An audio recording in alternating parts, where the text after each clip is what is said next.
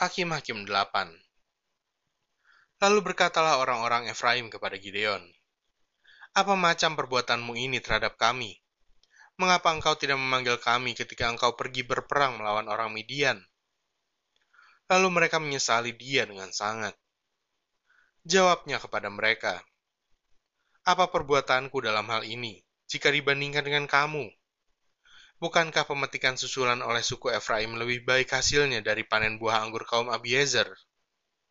Allah telah menyerahkan kedua raja Midian itu, yakni Oreb dan Zeeb, ke dalam tanganmu. Apa yang telah dapat kucapai jika dibandingkan dengan kamu? Setelah ia berkata demikian, maka redalah marah mereka terhadap dia.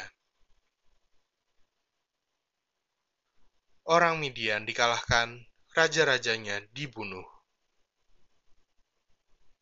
Ketika Gideon sampai ke sungai Yordan, Menyeberanglah ia dan ketiga ratus orang yang bersama-sama dengan dia, meskipun masih lelah, namun mengejar juga. Dan berkatalah ia kepada orang-orang Sukot, Tolong berikan beberapa roti untuk rakyat yang mengikuti aku ini, sebab mereka telah lelah, dan aku sedang mengejar Zebah dan Salmuna, raja-raja Midian.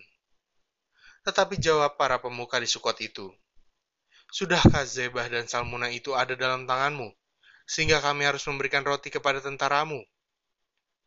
Lalu kata Gideon, Kalau begitu, apabila Tuhan menyerahkan Zebah dan Salmuna ke dalam tanganku, aku akan menggaruk tubuhmu dengan duri padang gurun dan onak. Maka berjalanlah ia dari sana ke Penuel, dan berkata demikian juga kepada orang-orang Penuel. Tetapi orang-orang ini pun menjawabnya seperti orang-orang Sukot. Lalu berkatalah ia juga kepada orang-orang Penuel, Apabila aku kembali dengan selamat, maka aku akan merobohkan menara ini. Sementara itu, Zeba dan Salmuna ada di Karkor bersama-sama dengan tentara mereka. Kira-kira 15.000 orang banyaknya, yakni semua orang yang masih tinggal hidup dari seluruh tentara orang-orang dari sebelah timur. Banyaknya yang tewas ada 120.000 orang yang bersenjatakan pedang. Gideon maju melalui jalan orang-orang yang diam di dalam kemah di sebelah timur Nobah dan Yokbeha, lalu memukul kalah tentara itu, ketika tentara itu menyangka dirinya aman. Zebah dan Salmuna melarikan diri, tetapi Gideon menyerang mereka dan menawan kedua raja Midian itu, yakni Zebah dan Salmuna, sedang seluruh tentara itu dicerai beraikannya. Kemudian kembalilah Gideon bin Yoas dari peperangan dengan melalui pendakian Heres. Ditangkapnyalah seorang muda dari penduduk Sukot. Setelah ditanyai, orang itu menuliskan nama para pemuka dan para tua-tua di Sukot untuk Gideon. 77 orang banyaknya.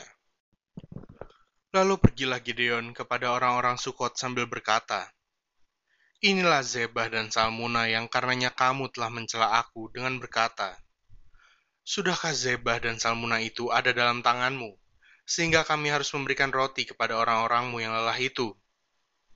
Lalu ia mengumpulkan para tua-tua kota itu.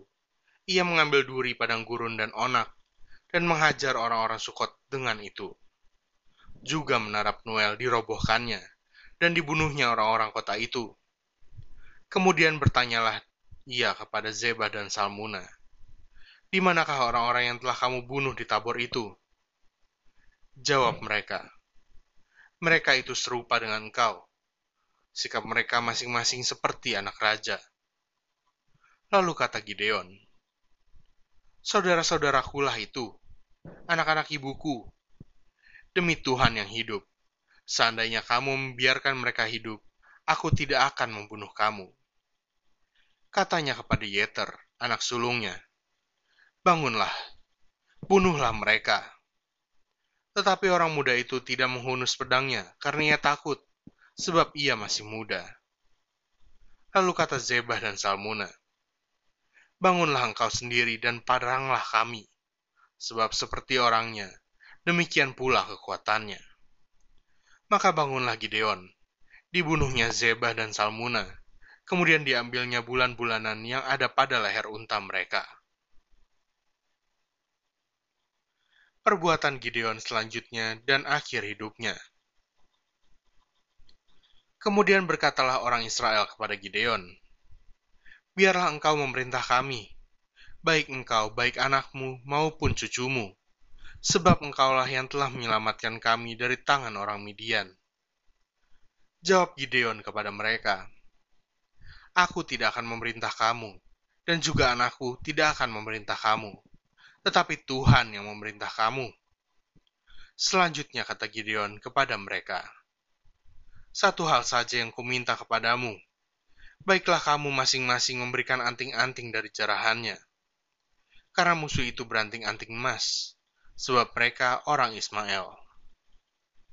Jawab mereka, kami mau memberikannya dengan suka hati.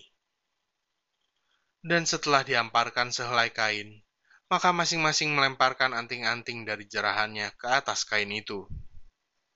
Adapun berat anting-anting emas yang dimintanya itu, ada 1.700 shikal emas, belum terhitung bulan-bulanan, perhiasan telinga, dan pakaian kain ungu muda yang dipakai oleh raja-raja Midian, dan belum terhitung kalung rantai yang ada pada leher unta mereka. Kemudian Gideon membuat efod dari semuanya itu dan menempatkannya di kotanya, di Ofra.